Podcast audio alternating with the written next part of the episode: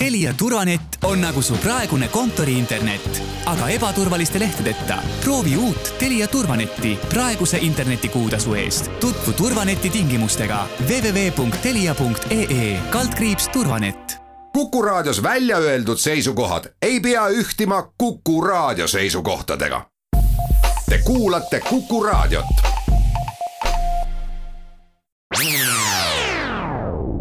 Restart.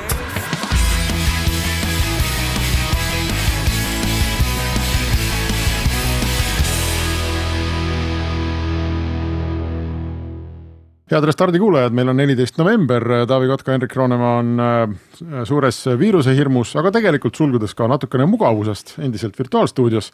ja külalised ka virtuaalsed, aga see kõik, kui toimib, siis toimib täitsa hästi. ja tegelikult täna, miks ma nii pikalt võib-olla alustan seda sissejuhatust, et me räägime täna natukene sel teemal äh, edasi, et kuidas on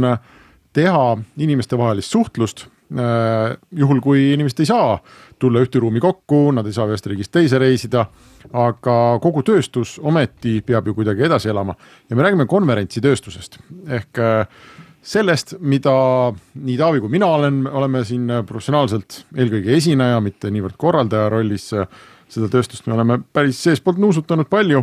ja meil on külas Lehari Kaustel, kes on Royal Experience'i tegevjuht ja Global Virtual Solutions konsortsiumi eestvedaja, tere Lehari. tervist Taavi, kuidas sul on konverentsi äh, esinemistega, vanasti oli jube keeruline sinuga aegu leida, et sa olid hommikul esinesid Zürichis ja pärastlõunal Adelaide'is ja siis äh, noh, siis õhtul veel Texases, et kuidas, kuidas aasta läinud on? jah, ütleme niimoodi, et äh, suhteliselt vaiksemaks on muutunud see ilm, et mul endal ei ole konverentsi business'it, et mu naisel on. Aga mina olen tema üks asset itest, nii-öelda üks varadest, mida ta siis nii-öelda müüb või müüs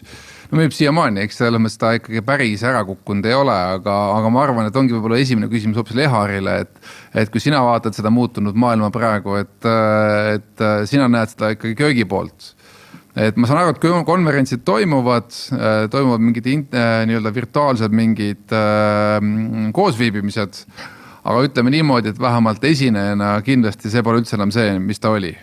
ehk siis tagasiside puudub, vahetut tagasisidet ei ole, räägid põhimõtteliselt musta seinaga, on ju. et äh, ma, ma olen tundnud ükskord sama ebamugavalt ennast, äh, ma olin äh, Mobile World Congressi laval Barcelonas, pealaval.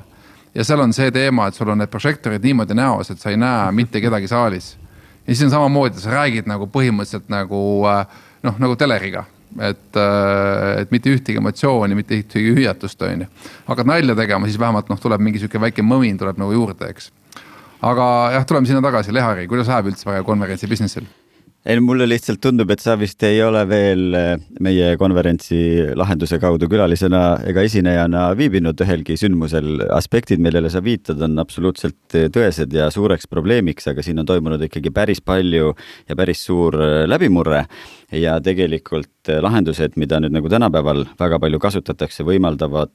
teha mõningaid asju efektiivsemalt, jõuda kuulajale palju ligemale kui reaalses ruumis, sest sa väga hästi kirjeldasid seda probleemi, mis päriselt laval on, on ju, sa oledki kuskil suure massi sees. see parim ja suurim efekt on tõesti see, et sa tajud seda aplausi ja vaibi äh, läbi mingi sahinate või, või, või selle, kui sa näed seda publikut, kui prožektorid on näos, siis ka seda ei näe. aga tegelikult, kui see asi meisterlikult väga hea režiiga kokku tuua, siis on võimalik äh,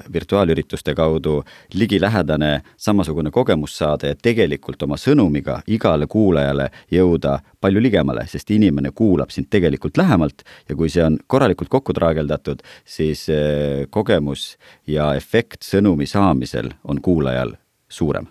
Oota, sina, Lehar, siis tahad öelda, et, äh, et vähemasti teatud äh, ulatuses või teatud valdkondades see konverentsiäri noh, läheb edasi, kõik toimib, üritused on, rääkijad on, pealtvaatajad on, raha liigub. tead, see on niisugune väga delikaatne teema, selles mõttes, et kui ikka üdini nüüd aus olla, siis on nii, et üks silm nutab ja teine naerab. Äh, selles mõttes, et kui äh, eriolukord äh, välja kuulutati Eestis ja kogu see jama, mis siin kevadel nagu lahti läks, siis ikkagi noh, ei saa salata, et ikkagi väga õõnsaks läks tunne, et nüüd ikka kõik, mis seni on olnud, nagu lõpebki päriselt ära aga, aga, aga vähemalt meie puhul juhtus selline vahva asi, et, et koos koostööpartneritega, kellega nüüd üheskoos on see konsortsium moodustatud, tekkis kuidagi niisugune sisemine drive, et kuulge, aga noh, mõtleme, mõtleme välja midagi. et me ei saa ju olla võimalik, et nagu selles mõttes elu seisma jääb. Äh, tegelikult on ju vaja jätkuvalt dialoogi pidada, konverentse pidada, pressikonverentse pidada, autode esitlusi pidada, sisekommunikatsiooniüritusi pidada, auhindu anda, no ma ei tea, mida iganes, on ju, seda nimistut võiks jätkata nagu lõputult. ja, ja, ja mis on nagu tegelikult vahva, on see, et, et me näeme, et see avab hoopis uusi dimensioone ja hoopis uusi võimalusi. meie, kes me oleme seni olnud kohaliku turu väike agentuur, ma julgeksin nii öelda noh, meil, meil on nädala ja päeva sisekoosolekud mööduvad selliselt, et üks projektijuht küsib nii, et kes täna tegeleb Lõuna-Aafrikaga, sul on need, okei okay,, sellega on korras, kas Põhja-Ameerika request'iga keegi tegeles, ah sinna on vaja ka kohe vastus anda. et tegelikult nagu kogu asi on meie vaatest pööratud täiesti nagu pea, pea peale ja eks me loomulikult õpime alles, kuidas selles nüüd nagu ookeanis ujuda tuleb oota, aga tuleme kõigepealt kaks sammu tagasi, et äh, räägime, Lehar, kas sa oskad meile rääkida, milline klassikaline konverentsi business välja näeb põhimõtteliselt nii-öelda äh,. siis enne koroonat või pärast koroonat en,? enne koroonat ja siis räägime, kuidas ta nüüd koroona, pärast koroonat ah. või koroona, koroona ajal nagu välja näeb mõlemast võib hea meelega rääkida, enne koroonat toimus siis klassikaliselt asi niimoodi, et äh, on tellimus tellimuse alusel äh, on mingi teema, mida siis äh, keegi käsitleb sisuliselt ja keegi käsitleb vormiliselt. Äh, sõltuvalt kliendist on siis teatud võimekus seal seda sisulist teemat ise edendada, vahest on ka seal abi vaja, aga noh, enamasti on väga palju abi vaja siis selle kõige kokkukorraldamisel. Ja kokkukorraldamine tähendab siis seda, et mingil hetkel saadetakse kellelegi kutse, eeldatakse, see võib olla paberil või digitaalselt, eks emaili kaudu on seda järjest rohkem tehtud viimastel aastatel, siis eeldatakse, et inimene vastab, registreerib ennast kuhugi, sätib endale majutuse või teeb seda korraldaja, siis on seal mingid toiduvaliku ja igasuguseid selliseid praktilisi küsimusi, kuniks siis väga palju tööd vahepeal, kuniks siis konverentsipäevani, kus või konverentsi toimumiseni, kus siis üle kogu maailma mingisugune seltskond kokku lendab äh, kuskile kohta, seal toimub mingi logistika, siis minnakse kuskile ruumi, mis on täpselt selle jaoks üles seatud, seal on äh, teatud arv toole, äh, toimub mingisugune tehniline setup, natukene lava, valgust ja videot, siis inimesed istuvad maha, ütleb naabrile tere, istub, kuulab teeb märkmeid, konverentsi kuulamise ajal peab loomulikult tasa olema ja siis toimub vaheaeg, kus ta läheb kohvipausile ja kohvipausi ajal saab ta uuesti naabriga rääkida, siis tuleb uuesti istub maha ja kuulab ülejäänud asja päeva lõpuni ja sõltuvalt, mitu päeva konverents kestab, siis tuleb lennukile, sõidab tagasi ja ütleme nii, et kui sa peaksid seda kuidagi nii-öelda kulukategooriate lõikes nagu iseloomustama, et kui palju on seal noh, ma ei tea, esinejate kulu versus nagu ütleme tehniline, tehnilised vahendid versus saali üür nagu, et oskad sa niisugust nagu breakdown'i ka tuua meile? no protsentuaalselt võiks rääkida või? Jah, ikka muidugi. nii, no ühesõnaga, kui on mingisugune eelarve, siis sellest äh, Mm, see nüüd sõltub, et kuidas see, loomulikult sõltub, kui suure rahvusvahelise kapatsiteediga see konverents on, aga noh, väga suur kulu on äh, logistikal majutusel, kogu sellel poolel, mis tegelikult puudutab inimeste transporti ja kohalejõudmist ja sealhulgas just ruumikulud, noh, see võib teatud puhkudel olla isegi kuni viiskümmend protsenti eelarvest. sõltuvalt tõesti selle konverentsi mastaabist, sest see, kui sa paned Saku Suurhalli lava püsti, siis lava hind on ju sama, sõltumata sellest, kas seal kuulab sada või kümme tuhat inimest. lava hind ei, ei, inimeste arvust ei muutu. ja, ja noh, produktsioonikulu, mis puudutab siis puhtalt tehnikat, tehnilist personali, kogu seda setup'i, mis konverentsiks üles seatakse, see sõltub nüüd nagu tellija soovist, kui palju kärtsu ja pauku ja, ja võimendust sinna tahetakse anda, aga noh, see võib olla seal ka kuskil ütleme sellise nagu kahe-kolmekümne protsendi juures eelarvest. Ja see kogu aeg ülejäänud korraldus siis on seal võib-olla kuskil kümne-kahekümne vahel, sõltuvalt siis, kuidas need tööd on jaotatud, kes kui palju teeb sisulist tööd, kuhu see kommunikatsioon täpselt asetub ja kõik nii edasi, no mingi niisugune very roughly jaotus niisugusest normaalsest klassikalisest rahvusvahelisest konverentsist võiks olla umbes nii. Nii, aga nüüd ma saan aru, et kui meil suurt ruumi enam üürida vaja ei ole, kuna meil ei ole võima-, vaja ka enam äh, üle maailma lennutada kohale kõiki ja majutada ja nii edasi, siis põhimõtteliselt nagu kõik, mis enne oli puudu, nüüd on ju nagu üle kui nagu kuulsas aga... nukitseb, nukitseb mehe mutikas marginaal praegu kasvas kohe mingi seitsekümmend protsenti, ma arvutasin siin äh, näppude peal välja. Aga täpselt nii ongi. Äh, sellepärast, et nüüd uues olukorras alguses mõeldi, okei okay,, lükkame edasi. Okei okay,, siis mingid asjad jäeti ära, lükati edasi, siis tekkis arusaamine, et noh, tegelikult ikka tuleb ju asju teha, on ju, kui kõik lõpuks ära jätta, siis tuleb ikka lõpuks teha, on ju ja siis pärast seda, vähemalt meie vaatest, kui tekkisid esimesed edulood sellest, kus mõeldi, et ossa raks, et meil on võimalik tegelikult nagu kogu globaalne publik saada nagu suhteliselt hästi Eesti digiühiskonnale omaselt ka veel väga nagu kihvtilt, nii et see saavutab rahvusvahelist tähelepanu, et oi kui ägedalt Eestis asju tehakse, ilma nende kõikide nagu lisakuludeta, mis muidu tekib. sealhulgas andmata alla sellele, et see produktsioon ja kogu see, mismoodi nagu see konverents nagu välja paistab ja kuidas see sõnum inimesteni jõuab ja kuidas näiteks ka publiku haaratus, engagement, kõik need asjad on nagu neid nagu seal, seal kompromisse tegemata et, et eelarve on nagu enam kui poole väiksem järsku ühel üritusel. et noh, loomulikult ei saa konverentsi korraldaja nagu seda lennukipileti äh, raha endale, aga kui me mõtleme nagu lihtsalt nagu sellise majandusliku mudeli või nagu eelarve jaotuse peale, siis noh, kõik on muutunud kardinaalselt. ja loomulikult see mõnevõrra võib anda ka võimalust sellele, et noh, siis võib-olla näiteks Telli ütlebki, kuule, aga why not, et võtame siis mingi ägedama äh, külalisartisti, kellele meil muidu ei oleks eelarvet olnud või teeme produktsioonis mingisuguse vingema asja, mida muidu me ei oleks saanud teha, aga nüüd ju kogu see reisi bussi ja majutuse ja, ja igasugune muu logistikaeelarve on, on see, mis jääb järgi nii, aga mõtlengi, et äh, Leari, sa natuke oled juba siin nagu otsast hakanud avama seda, et milleks me täna üldse kokku tulimegi, et mis asi see on siis see tänapäeva uus produktsioon ja uus konverentsi business, et. Äh, mul sul on jumala õigus, et äh, kuna mind peamiselt tellivad väljapoole Eestit olevad agentuurid ja, ja konverentsid. siis minu jaoks on ikkagi see olnud suhteliselt tavaline, nagu nii ma siin praegu selle raadiosaate jaoks teeme, et ma istun oma kontorilaua taga. minu ees on arvuti, minu ees on äh, mingi parema kvaliteediga mikrofon, eks. ja siis ma teen oma presentatsiooni, eks, et äh, äh,. kusjuures tegin just Malaisias äh, eelmisel nädalal oli hästi lahe. tuleb välja, et on olemas sihuke teenus internetis nagu äh, Klikker. ehk siis äh, lähed kindlale koduleheküljele, sisestad koodi ja siis äh, sinu nii-öelda telefonis on veebileht, kus sul on siis võimalik slaide lükata edasi ja tagasi. ehk siis seesama klikker, mis muidu on sinu seal lava peal ootab, on sul äh, sinu käes ja mitte oma masinast ei näita slaide, vaid nii-öelda siis produktsioonifirma näitab seal kohapeal neid slaide siis on ju selleks, et, et publik ja muu maailm seda näeksid, eks. et, et aga see on ikkagi nii-öelda nagu, nagu, kuidas ma ütlen, nagu noh, ma mõtlen, et äh, me läksime nüüd äh, paberi pealt PDF-i peale, aga see ei ole veel see päris teenus, mida tahaks nagu saada, et räägi sellest teenusest, mis asi see päris teenus on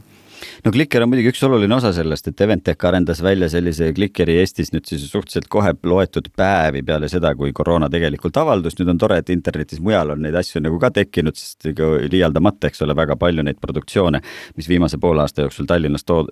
toimunud on, on rahvusvaheliselt ikkagi väga palju nagu esile tõstetud. Äh, aga ma täpsustaks nüüd ühe küsimusega vastu, et, et, et lepime kokku, kummast me nüüd enne räägime, kas kõneleja vaatest või osaleja vaatest või selle tehnilise teostuse vaatest, sest tegelikult nagu äh, siin võiks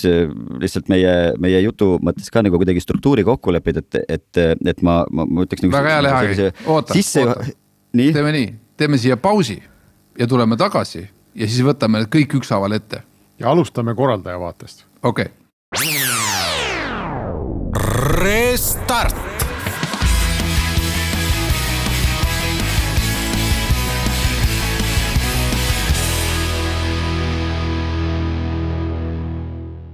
Restart jätkub ja me räägime täna konverentsi äh, ärist ja me jäime pooleli selle koha peale, kus äh, me lubasime Leharil rääkida, et kuidas konverentsid on siis nüüd muutunud nii osaleja kui korraldaja vaatest ja korraldaja vaade on esimene, et no natuke juba rääkisime, et raha kipub kõvasti üle jääma, sul on vaja palgata põhimõtteliselt selline ETV-st äh, võetud operaatorite, režissööride tiim, eks ole, mikerdada ära, kaamerad püsti, lava püsti ja noh, rääkijad ka ja, ja ongi olemas no see kõlab nüüd muidugi väga lihtsustatult, tegelikult on virtuaalsündmuse problemaatika ikkagi hoopis teine ja palju mitmekesisem kui see, mis füüsilises maailmas on, et, et see on nüüd jah, kui lõpus kõik töötab, siis on nagu ikka, iga publik tuleb kohale, vaatab jube äge, lava on püsti, valgused vilguvad, jube lihtne. virtuaalmaailmas, kui me nüüd kohe publiku vaate juurde lähme, on ju, siis, siis ma lihtsalt nendest kategooriatest tahaksin veel mainida seda, et, et, et, et lisaks nendele küsimustele, mis muidu võib-olla catering ja mingi asi jäi ära, tegelikult on hulk, hulk muid probleeme asemele tulnud, me peame rääkima küberturvalisusest, me peame rääkima võrguinseneeriast, me peame rääkida igasugustest IT-st ja digivahendite ja virtuaalsete tööriistade kasutamisest. et, et, et see, see režii ja kogu muu pool, mis sinna tegelikult lõpuks nagu juurde tuleb, on, on, on see, mis selle tõesti nagu äh,, nagu võib-olla selliseks nagu kauniks äh, tervikuks moodustab. aga no ma ei tea, püüame siis kuidagi lühivaates selle, selle osaleja võimaluse nagu, nagu, nagu kokku võtta, kuidas ja mismoodi see siis toimub ja mis siis erinevus ja ja on see parem või halvem kui see, mis nagu tavapäraselt juhtus. ma ütlen veel kommentaari nüüd muidugi nii palju, et ega, ega siis seda füüsilist touch'i, seda füüsilist lähedalolu, mida inimene vajab olgu sõprussuhetes, tutvussuhetes, peresuhetes, töösuhetes, et noh, et, et selles mõttes, et, et, et ärme sinna dialoogi, see on pigem filosoofiline teema, et ärme sinna dialoogi mine, et, et kas parem on nagu niisugune füüsiline lähedus inimesega või kontakt või mitte, aga mida me võime ja milles ma nagu hullult hea meelega argumenteerin kaasa, on see, et mis on nagu plussid ja miinused võrreldes virtuaalsündmuse ja tavalise sündmuse nii-öelda nagu sellise võimekuse ja, ja, ja siis sellise tulemuse saavutamise eesmärgil, miks üldse mingi sündmus nagu toimub. aga võtan kokku Äh, virtuaalsündmuse algus, äh, kutse on saadud, eks ole, ürituse sündmuspäev on nagu käes, hakkab nüüd natuke teist, äh, teisest otsast, teisest kohast pihta, kui see inimene, kes siis kõigepealt lennujaamas bussiga kuhugi transporditi, kus tal oli mingi ooteruum ja keegi talle ütles tere tulemast ja andis talle mingi paburi kätte. virtuaalne sündmus algab pihta sellisest virtuaalsest keskkonnast või virtuaalsest ooteruumist. siin me jõuame nagu esimese sellise suure teemade ringini mis muidugi Eesti vaatest on nagu tohutute võimalustega ja tegelikult jõuame nagu IT-maailma. virtuaalne ruum konverentsile jõudmisel võib olla lihtsast kodulehest kuni 3D maailmani, kus sa valid endale avatari, võtad sealt, tahad endale isegi võid juuksevärvi sättida, kui tahad, eh, kuni siis selleni, et, et sul on nagu positsioneeritud firma või ettevõte või tellija sümboolika või vastavalt konverentsi tema- te,, temaatikaga mingisugune selline keskkond, kus see asi kõik toimuma hakkab, millest nüüd räägime. või sa võid jõuda selliseni, et, et sa oled nii-öelda nagu eh, natukene arvutimängu sarnaselt, see sõltub, kui palju on keegi sinna panustanud, see võib olla ka väga-väga-väga realistlik realistlik, et sa päriselt nagu oma avatariga siis liigud seal ringi, valid seal mingi endale koha või käid seal kuskil mingit messilauast äh, läbi ja jõuad lõpuks nagu mingisesse ja täiesti catering muuseas, selle saab koju tellida, seda oleme ka teinud, see on väga, väga vahva, toidu, toidueelarve täiesti tegelikult endiselt teemaga virtuaaleelarvetes, aga praegu selle sisusse tagasi minnes, siis, siis see algus hakkab kuskilt mujalt nagu pihta. ja, ja nüüd, kuidas inimene kogu selle konverentsi kogemuse saab võib-olla veel üldistades rääkides, on tegelikult see, mida ta siis läbi selle ekraani vahetuse kogeb. ja kusjuures siin on nagu vahva see, et, et suuremate eelarvetega projektid ja, ja võimekamad korraldajad, võimekamad tellijad kasutavad mitut ekraani. ehk siis inimesele öeldakse, et palun võta endale kõrvale, ma ei tea, telefon või iPad või arvuti ja reaalselt juhtub see, et ühelt ekraanilt sa näed tegelikult nagu seda programmi kusjuures ülioluline on see, et kas see on ühe või kahesuunaline. et ägedatel konverentsidel on see alati kahesuunaline, mis tähendab seda, et see interaction part on nagu täiesti olemas. ja sellele kõrvale on siis mingisugune abistav ekraan, kus sa saad mingeid asju teha ja kust tuleb sulle ka mingisuguseid impulsse, mingisugust infot, mingisuguseid tegevusi, mida sa võid siis soovi korral nagu kasutada ja, ja millel on noh, muidugi niisugune väga selge ja kasutajasõbralik instruktsioon. ja nüüd see suurim vahe, millele ma ennist ka äh, viitasin äh, siin sissejuhatuse äh, vestluse ajal nagu nagu Taaviga, on see, et, et tegelikult inimene asub nüüd sellele kõnelejale tunduvalt lähedamal. ehk siis, kui on hea tehtud, hea režii, hea produktsioon ja see on tehniliselt hästi läbi mõeldud, siis äh, see tulemus, mida läbi ekraani kuulajale antakse, on tegelikult võimsam. eriti, kui inimesel on mingisugune normaalne, noh, ma ei tea, kontoriarvuti taga mingi normaalne ekraan, siis, siis, siis see, siis see, siis see tulemus võib olla päris, päris võimas. pluss teine asi, et noh, loomulikult kuulajale soovitatakse panna siis kõrvale kõrvaklapid, et sa saaksid ka selle audioefekti kätte ja kui nüüd kogu multimeedia on oskuslikult konverentsi sisuga kokku põimitud, siis tulemus on päris äge Eh, kordades võimsam kui mingisugune suvaline telesaade, aga tal on väga palju sarnaseid jooni telesaatega. aga see lisab, on ju, Lehari konverentsi nagu noh, nii tehnilisele kui, kuigi ma väidan, et ka sisulisele korraldamisele hästi palju keerukust juurde, sest eh, noh, ütleme nii-öelda vanal ajal, eks ole, traditsioonilise konverentsiga, sa pidid vaatama, et see ruum on hea, kus inimesed tulevad, on ju et äh, kohv on soe ja võileivade juures ei oleks liiga pikka järjekorda ja, ja noh, siis on sul esinejad, on ju, kui sa oled Eestis ja sul veab siis ma ei tea, avab minister või mõnikord isegi president, on ju ja, ja noh, ta räägib kümme minutit ja siis läheb minema, eks siis tuleb moderaator, ütleb nii, nüüd on esineja üks, see läheb ära, esineja kaks, lõuna, esineja kolm, et see noh, seal, seal võis tekkida selliseid lõtke sisse ja ja noh, sellist nagu hajusust natukene, aga nüüd online'is see mulle tundub, et see piir, kust inimene võib selle akna lihtsalt kinni vajutada, on ju, ja, ja no või ja hakata midagi muud tegema. Et see on palju lähemal. Ja järelikult see production peab ikkagi olema, noh, et me kujutame, ütleme sellist väga heal tasemel noh, sellist kaasaegset konverentsi, ma arvan ette kui ühe väga pika telesaatena. Ja kui see telesaade on jura, on ju, siis inimene paneb kinni ja läheb vaatab mingit muud telesaadet. ehk äh, ma kujutan ette, et see väljakutse tegelikult on nagu palju suurem. Ja me ei ole, ma arvan, üldse valdavas enamuses nagu online üritustega, me ei ole jõudnudki sinnani, et me üldse hakkaks sellisel tasemel mõtlema sündmuste peale täiesti nõus, see ongi täiesti uus tulevik, mida me alles nagu kujundame eh, kogu valdkonnas, kogu, kogu maailmas ja igaüks, kes sellega tegeleb, saab sinna oma nagu panuse anda. aga sul on tuline õigus, siin on nagu terve hulk uh, uut problemaatikat uh,. sealhulgas see, et ega tegelikult, kui sul päriselt ei ole neid inimesi, ka neid kõnelejaid füüsiliselt silme ees, siis noh, see, kui sul mingisuguse mis iganes tehnilise viperuse tõttu mõni kõneleja paneelist järsku nagu ära kaob, noh, tekitab ikkagi ükskõik kui kogenud tehnikul korraks nagu sellise õõnsa tunde, et mis juhtus, eks ole, me ju ei tea, kas see oli meie pool, oli mingi soft vedas alt või kellelgi kadus vool ära, noh, kõige markantsemad lood on ju neid on nüüd tore rääkida, sest me oleme nendest niimoodi toredasti välja ujunud, et, et vähemalt meie produktsioonidel ei ole nagu välja paistnud, on ju, aga see ei tähenda, et, et tegelikult kontrollruumis või režiis oleks kõik läinud nagu pingevabalt ja, ja toimetamata. ühes paneelis väärikas kõneleja, järsku pilt kadunud, on ju.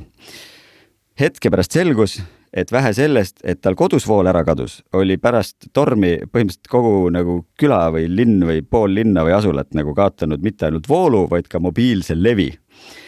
see kõik juhtus, ma arvan, siis äh, tükki nagu minutitega, aga kuna me olime eelnevalt piisavalt hästi meie alati teeme, käime läbi turvaprotokolli, muuseas meie ülekannete turvaprotokoll, see on kaks lehekülge, kaks ja pool lehekülge. nii, käisime läbi äh, sellised abc stsenaariumid, mis teha siis, kui midagi juhtub, kui midagi juhtub, sest kui midagi juhtub, siis ma ei ole ju selle inimese kõrval, meie tehnikud, meie režissöörid ei ole füüsiliselt inimese kõrval, me ei saa näppupidi teda aidata, füüsilisel üritusel sa lähed, vahetad mikrofoni ära, ütled, kuule sorry, siin on uus mikrofon.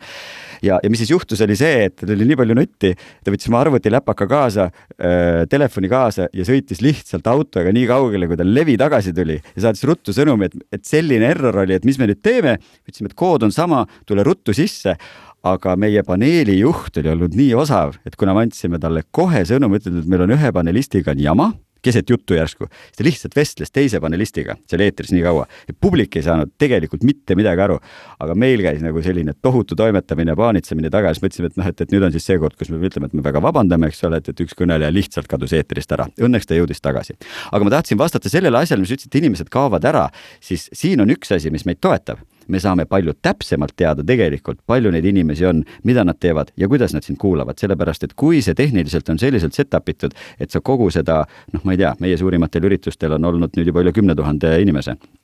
tegelikult näed seda vaatajate arvu sa tegelikult saad seda sõltuvalt sa näed, sellest kas mul tehni... tääb on lahti, aga, kas ma tegelikult seda tääbi vahin, kas ma üldse arvuti juures olen? vahtimist, no kui on kahesuunaline, siis sa näed seda mm. esiteks ja teine asi on see, et, et kui sul on seal engagement'iga seotud tegevused ja tööriistad, siis eh, selle kaudu on mõnevõrra võimalik näha seda inimese kaasatust aga ühesõnaga, ma ütlen ausalt, Hendrik, tegelikult see on palju parem, äh, kui sa nii-öelda teed äh, seda virtuaalset esinemist, siis sa põhimõtteliselt sa füüsiliselt ei näe, kuidas keegi saalist ära kõnnib. aga ütleme nii, et kõige hullem asi või kõige hullem tagasiside, mis sul saab olla keynote speaker'i jaoks näiteks on see, et, et sa lihtsalt näed, kuidas inimesed nagu lahkuvad saalist, on ju, et. Et noh, noh, näiteks minu, minul on seda kogenud päris selliste kohtade peal näiteks, et sa tuled lavale, sa pole veel suud lahti teinudki, aga keegi on nii-öelda sind oma agendast nagu maha tõmmanud, eks nad vahetavad ruumi, nad lähevad kedagi teist kuulama, on ju. ja siis sa vaatad neid lahkuvaid inimesi, mõtled, et issand jumal, ma ju hakkan kohe kuldmune teil laduma siin, on ju, ja nüüd teie niimoodi siis jätate mind siia maha, on ju. et selles mõttes virtuaalselt seda muret ei ole, et noh, väga tore, et noh, minge, minge, on ju, et, et ega mina ei näe siin, on ju. aga ikkagi räägi, Lehari nüüd seda ikkagi seda esineja vaadet, on ju. et mismoodi sa seda ikkagi seda tagasisidet mulle ikkagi annad, et noh, mul on muidu on nagu väga lihtne struktuur, on ju, esimese hooga, esimese viie minutiga pead suutma nagu publiku saada nagu enda nii-öelda mõjusfääri või nii-öelda enda karisma alla, on ju. mis tähendab seda, et sul on piisavalt nagu teed nalja seal, on ju, sul on väga hea sissejuhatus, on ju. rahvas on kohe üles äratatud, on ju, kuulab sind, on ju, isegi kui see nii-öelda päeva juhtunud on veits kehvakene, on ju, et noh, sa saad nad kohe kampa, kohe kaasa, on ju. aga nüüd noh, nalja teed, umbes see on sam-, sam-, mul on tunne, et ma nagu räägiks nagu tavaliselt nagu Jaapani publikule räägid, kuna jaapanlased inglise keelt ei oska, siis nemad on alati läbi tõlgi ja siis ongi niimoodi, et noh, teed nalja ära, siis läheb umbes kaheksa sekundit mööda, on ju, siis kõik naeravad, on ju, et noh, et, et nagu, et, et, et. aga sa oled oma jutuga ammu teises kohas juba, on ju. ehk siis, et kuidas see käib? No kõigepealt peaks alustama sellest ähm, sinu lennugraafikust ja, ja siin Hendrik viitas, et, et ministri või, või, või mõne sellise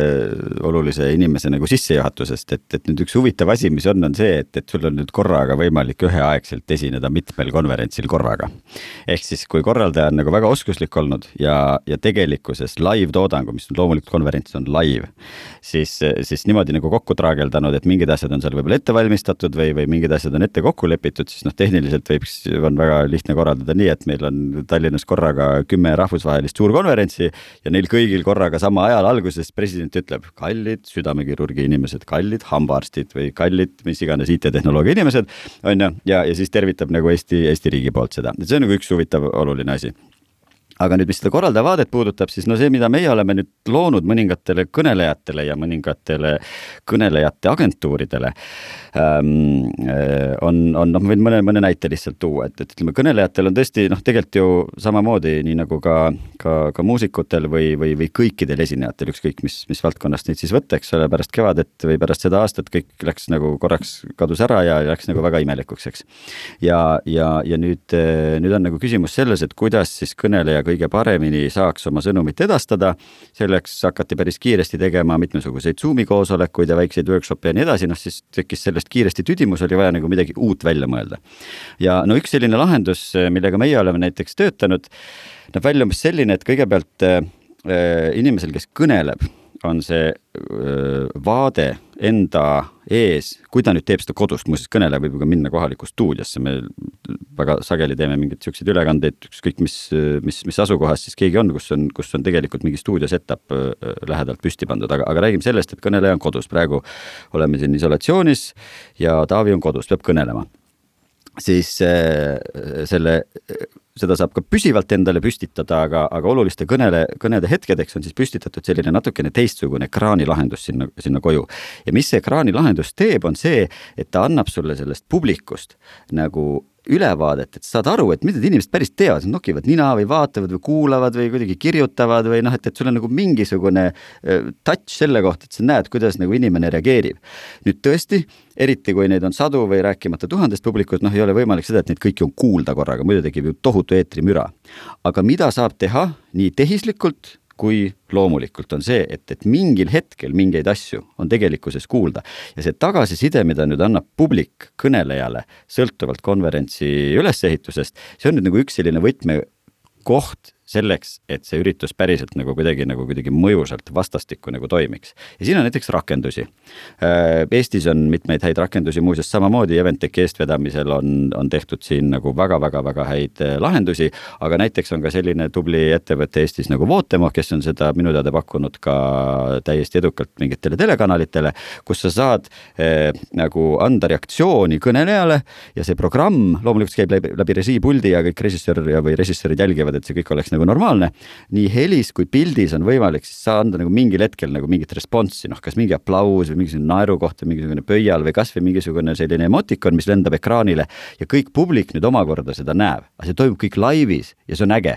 ja see äh, muudab siis nii-öelda nagu selle telesaate, mida tavaliselt telesaates teha ei saa, nagu hästi mitmekihiliseks ja, ja mitmetasandiliseks. ja nüüd see vaade äh, kõnelejale kokkuvõtlikult ongi selline, sul on ekraan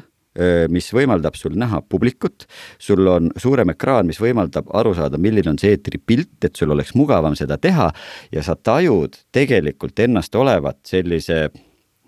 vanas keeles telesaate sees, uues keeles nagu virtuaalsündmuse või virtuaalkeskkonna sees lihtsalt tunduvalt paremini ja need vahendid, mida sa kasutad, omavad nüüd samamoodi kaalu selleks, et sa saaks asju edasi anda. kui sa rääkisid, Taavi, et olema hea sissejuhatus, loomulikult mingi väga normaalne intro, mis on kindlasti kasutatud nagu multimeedia efektidega, on oluline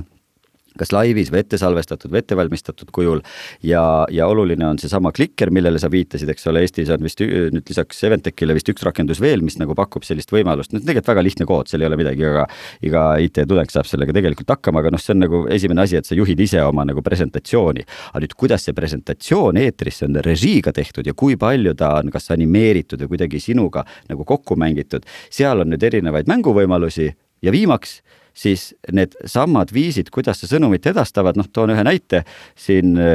millega me ka pisut tegeleme innovatsiooni või tehnoloogia valdkonnas, on see, et, et kui sul on nüüd siin kõrval ähm, raadiokuulajad seda ei näe, ma püüan siin mikrofoni ees seda nüüd kuidagi žestikuleerides teha, et kui inimene kõneleb, eks ole, sa oled eetris ja sul on kõrval on mingisugune tahvel. see võib olla läbipaistev või see võib olla mitte läbipaistev. siis nii nagu whiteboard'i ees on kõneleja või nii nagu mõnele meeldib ka seda laval teha, sa saad sinna peale kirjutada ja sellega on võimalik nüüd igasuguseid efekte teha. see, mida sinna kirjutad, võib ilmuda otse inimese ekraanile kuni selleni, et kui sul on mingisugune live äh,, laivis töötav nagu selline nii-öelda, sa nimetasid enne PDF-i, noh, tegelikult on ikkagi see mingisugune rakendus, kui see on selline premium level konverents, kus siis tegelikult ilmuvad need asjad kohe samaaegselt inimesele kuulamisele, sinna võib ka siis omakorda mingeid plussi-miinuseid ja märkmeid anda. aga kihvt efekt on näiteks see, kui kõneleja on vabas looduses, tema selja taga on pleksiklaas, mida keegi ei näe ja järsku kuulaja vaatab, et ossa raks, et kõneleja kirjutab õhku ja see, mida ta õhku kirjutab, jääb sinna õhku ja tegelikult ilmub uuesti tagasi eetrisse. hästi huvitavaid produktsioonilisi efekte on võimalik nüüd kasutada, millest iga publik kohe aru ei saa ja läbi ei näpista, et kuidas see toimub teeme siit teise pausi ja siis räägime sinu business'ist, Lehari. Restart.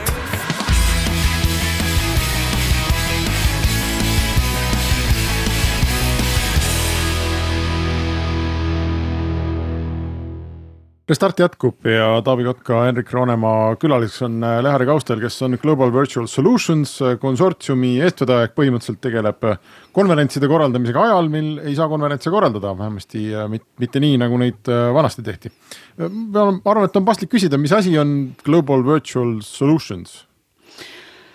no see on koht, kus on võimalik siis eh, kõikidele koostööpartneritele ja, ja nendega, kellega me viimased kuus kuud koos möllanud oleme, tänu ja, ja lugupidamist avaldada. ja tõepoolest, eh, see on oluline sõna, et tegemist on konsortsiumiga.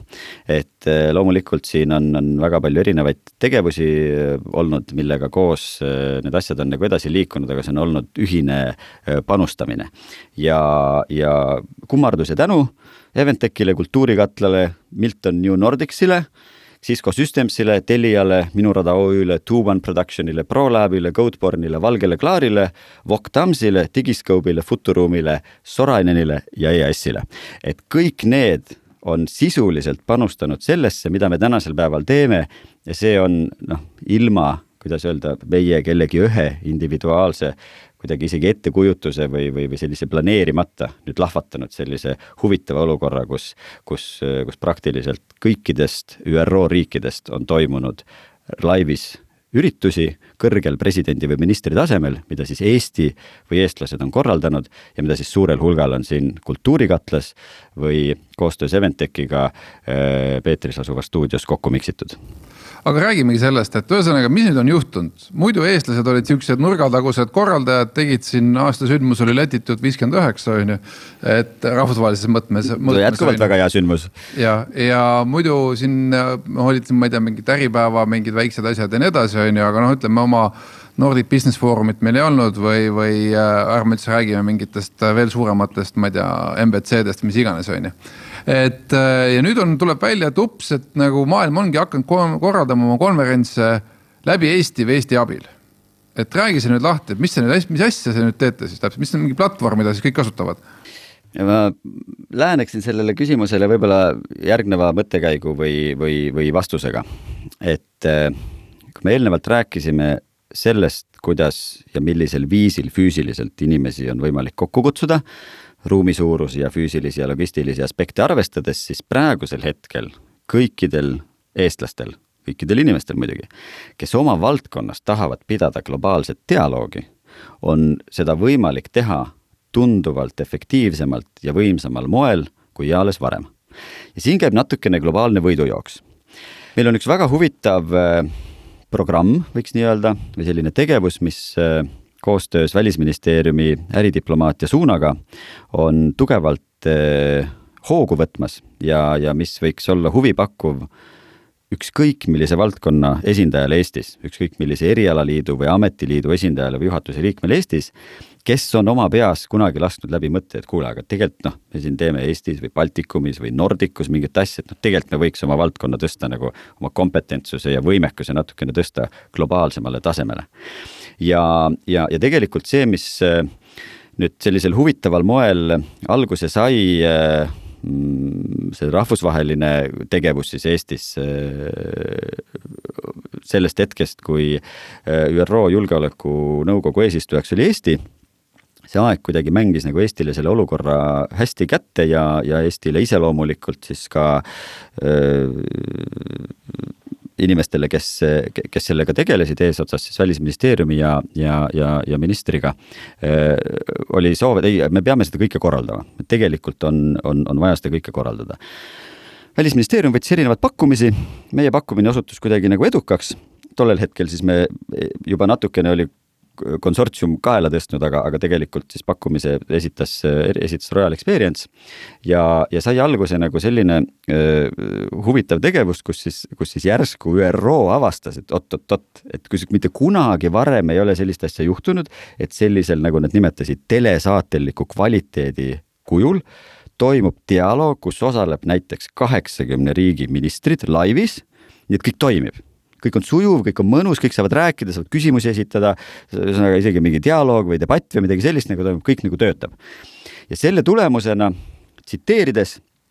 äh, ajakirjanikku äh, ja tsiteerides äh, siis seda, mis, mis, mis välisuudise inforuumis on nagu liikunud, on see, et, et noh, et kui varem oli ÜRO riikide seas riike, kes võib-olla ei teadvustanud, noh, mis see Eesti või mis see Eesti digiriik või mis ta nagu on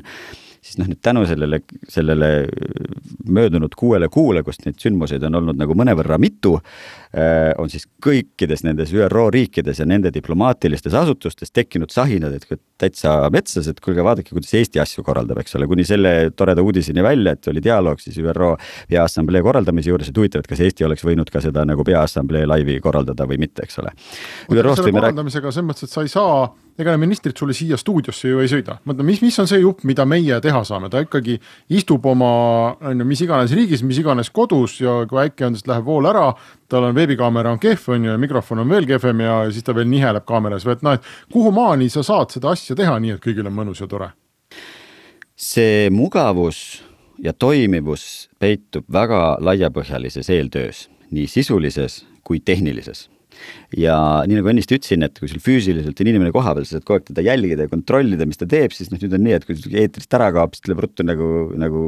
midagi selleks ette võtta. ja ega need korrad ei olnud nagu mitte vähesagedased, kui selgub, et näiteks seal kuskil kellelgi ma ei tea, Vietnami esindajal on nagu sõna ja siis selgub, et kas pole eetris või on eeter tühi või ühesõnaga midagi muud, loomulikult see ei läinudki eetrisse, aga lihtsalt nagu väga suur inimhulk, kes siis nendega nagu tegeleb, andis signaali, et nüüd on järgmine kõneleja, seal on kõik oma diplomaatiline suhtluskeem ja nii edasi, on nagu seda konkreetset näidet tuua. ja, ja, ja see, et saavutada see tulemus millele sa, Hendrik, viitasid, on lihtsalt oluline see, et need asjad on nagu väga põhjalikult ja loomulikult kõiki diplomaatilisi reegleid arvestades nagu selliselt ette valmistatud, et see asi nagu päriselt toimib. ja kõvasti sai siia panustatud, sellepärast väga hea meel, et ma sain kogu konsortsiumi nimekirja ennist ette lugeda. kõvasti sai panustatud ja noh, tuleb taevale tänu anda lihtsalt, esimene kord läks õnneks, ühtegi asja hooletuse saatuks me nagu ei jätnud, aga ikkagi ka läbi nende probleemide ja ettearvatavate probleemide need suudeti lahendada, siis teinekord juba õnnestus seda paremini teostada. Ja sellest siis kasvas järsku mingisugune selline nagu jutt rahvusvaheliselt nii Euroopa Liidu koridoridest kui ka siis kuskil, kuskil mujal, vähemalt poliitilistel tasanditel, mis nüüd Eestil on nagu tohutult palju tähelepanu toonud. ja siit nüüd seesama üleskutse, millele ma viitasin, mis on, mis on siis üks selline huvitav suund Välisministeeriumi äridiplomaatiaga koostöös, kuhu tegelikult on ka konverentsikorraldajate liidu liikmed, konverentsikorraldajate liit ja, ja mitmed, mitmed, mitmed, mitmed ettevõtted Eestis nagu kaasatud, kokkuvõttes ideaalis see peaks elavdama mitte ainult konverentsi äh, businessi tegevust Eesti hüvanguks, vaid võimendama kõikide nende valdkondade positsiooni globaalselt. Ja see on see, mida praegu koostöös Välisministeeriumi äridiplomaatia osakonnaga püütakse Eesti erinevatele eriala või, või, või siis nagu valdkonna inimestele öelda, et kui hambaarstiliit, eks ole, meil on võib-olla seal keegi, kes on mingisuguse regiooni juhatuses, siis palun väga pakkuge välja, tehke järgmine aasta äh, globaalne oma liidu konverents virtuaalselt ja Eestis ühe või teise partneriga, näiteks konverentsi korraldajate liidu kaudu, leidke endale teostaja ja Eesti võib nüüd haarata mitte ainult poliitilisel maastikul, vaid ka teistel maastikul oma digilugu ära kasutades väga paljudes valdkondades juhtpositsiooni ja sellest tasub kinni haarata selge, selge, selge, aga mõtlengi, et ka meie enda Eesti nii-öelda inimeste jaoks, äh, kui sa ütled, et konverentsi kulu, kas ta on siis läinud kallimaks või lähe, ei ole läinud, ma saan aru, et okei okay,, et äh, logistikakulud on maha kukkunud, aga produktsioonikulud lähevad jälle ikkagi üles, et kõik seda asja üleval hoida, et kas ta läheb kallimaks või ei lähe, sest teistpidi ka me saame ju ka osalejatelt vähem raha küsida, kui nad füüsiliselt kohale ei tule enam, on ju. Ei, absoluutselt, kui me võtame nüüd nagu osaleja vaatest või siis nagu tellija või, või, või lõppkliendi vaatest, siis kokkuvõttes on asi odavam, kindlasti palju odavam. Äh, kui me võtame nüüd nagu mingisuguse majandusharu vaatest, siis noh, inimesed, kes meie juures töötavad, äh, tänu taevale on võimalik neile jätkuvalt palka maksta, meeskond on ka mõnevõrra kasvanud, siis ikkagi lõppkokkuvõttes inimesed, kes ju oma tööd teevad, saavad oma, oma töö või panuse või tunni eest ikkagi nagu mingit tasu, lihtsalt see mudel on nagu tervenisti muutunud. ja kui me räägime siin, millega muidugi väga hea meel, me saime ka EAS-i ühe tunnustuse osaliseks siin, vahepeal kõik on nagu nii kiiresti kulgenud, et noh, ega tegelikult ka siia turism käib siia tegelikult nagu juurde, et, et, et noh, et nüüd tuleks nagu väga kuidagi selliselt nagu targalt ja pragmaatiliselt mõelda, et kuidas kõik need majandusharud, mis selle kõigega seotud on, siin on hotellid, siin on catering'id te mainisite, eks ole, noh, meil on konkreetselt olnud niisuguseid üritusi, kus põhimõtteliselt catering saadab kõikidele osalejatele isegi erinevates riikides asju koju, et see tuleb kõik ümber keerata. Ja seda küll, no mind ikkagi ka natukene huvitab see, et kaua, et mul on tunne, et see sisuline formaat peab nagu muutuma. Selles mõttes, et, et kaua me jaksame neid noh, mingeid kaheksatunniseid või jumala hoidku kahepäevaseid konverentse vahtida nagu arvutist on ju oma, oma kodus et, et mulle tundub, et see formaat peab minema kuidagi palju kiiremaks, et, et võib-olla noh, sellise ühe kahepäevase konverentsi asemel tekib kakskümmend ühetunnist konverentsi näiteks või, või kuidagi või kas, kas sa näed seal mingeid algeid juba? kindlasti, nii konverentsid, kui me võime rääkida tegelikult sündmuskorraldusest üldse selles valdkonnas, et konverentsid on ju tegelikult ainult üks osa. me võime rääkida siin B2B sündmustest, igasugustest lansseeringutest, pressisündmustest ja nii edasi, siis kui hästi, ma olen nüüd viimastel nädalatel päris mitu ettekannet sellel teemal teinud nii Eestis kui väljaspool, kui hästi roughly see nagu kokku võtta kahe lausega, see on see, et kui meil oli nagu ütleme skaalal kuskil seal ühest kümneni, kujutame mingi joonlaua endale siia visuaalselt nagu kõrvale, oli, oli kõik, kogu maailm töötas nagu füüsiliselt nii-öelda laivis. pärast koroonaepideemia puhkemist kõik tšung, kukkus alla sinna nulli kuskile live ehk siis füüsiline üritus oli nagu totaalselt cancel datud, hakkas toimuma mingisugune digitaalne, virtuaalne nagu tegemine. Nüüd kui me õpime selle, tähendab, kui me saame lahendatud kuidagi selle, selle, selle tohutu probleemi maailmas seoses viirusega ja õppida, õpime sellega koos elama või, või, või lööme vaktsiini või mis iganes, siis on ilmselge, et nüüd me jõuame kuskile siia keskele, kus igal heal üritusel, mis on ka füüsiliselt korraldatud ja kuhu inimesed kutsutud, on mõeldud läbi see dimensioon, kuidas virtuaalselt kaasata sinna maksimumarv publikut. ja see on see reaalsus, mis tegelikult hakkab nagu edasi minema ja see on nüüd äh, hoopis uus minu hinnangul hoopis uus majandusharu, hoopis uus tegevusharu, hoopis mm -hmm. uus nagu koostöökoht, mis noh, jällegi Eestile kui digiriigile avab tohutud võimalused selge, äh, aga aitäh sulle, Lehar, meie saateaeg on äh, tänaseks läbi. Mm, sinuga saab siis ühendust royal.ee oli see või? Kellel on nüüd huvi natukene rohkem teada saada või võib-olla panustada sellesse või oma, ma ei tea, kaasabi osutada selleks, et see seiklus ja rännak, mis siin Eestist on alguse saanud, veelgi paremini edasi kulgeks, nagu ma nimetasin, tegemist on meil konsortsiumiga, koostööprojekt, kõik on teretulnud. võtke ühendust kas Eesti konverentside Eh, liiduga, kes tahab nii-öelda nagu konkreetselt selles segmendis kaasa lüüa või, või, või sealt kuidagi abi saada, aga, aga kes nagu spetsiifiliselt huvi tunneb Global Virtual Solutions'i tegemiste kohta, siis emaili aadress globalvirtualsolutions.org on see koht, kust informatsiooni saab ja ma ei tea, kui väikest reklaami tohib ka teha, jõulud ei ole kaugel, meil on väga palju ägedaid eh, virtuaalseid jõulupidusid Eestis kui välismaal, et, et ärge jätke neid ära. tahate ägedat virtuaalset lahendust, eh, kirjutage ja saate tunduvalt soodsama kulu eest sisekommunikatsiooni mõttes väga ägedad jõulusündmused ära korraldada ka virtuaalselt, nii et ega ja. pole muud öelda kui virtuaalse kohtumiseni. see, see küsimus, et eh, kuidas oma suur hulk töötajaid panna arvuti ees seda vaatama, et see saab ka loodetavasti lahenduse esimest korda on põnev, teist korda lähed veel, kolmandat korda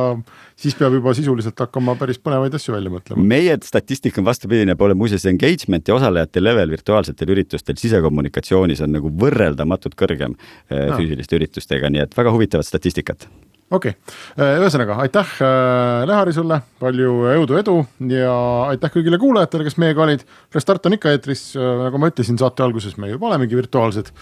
ja, ja see tähendab, et me kohtume kindlasti ka teiega nädala aja pärast. Restart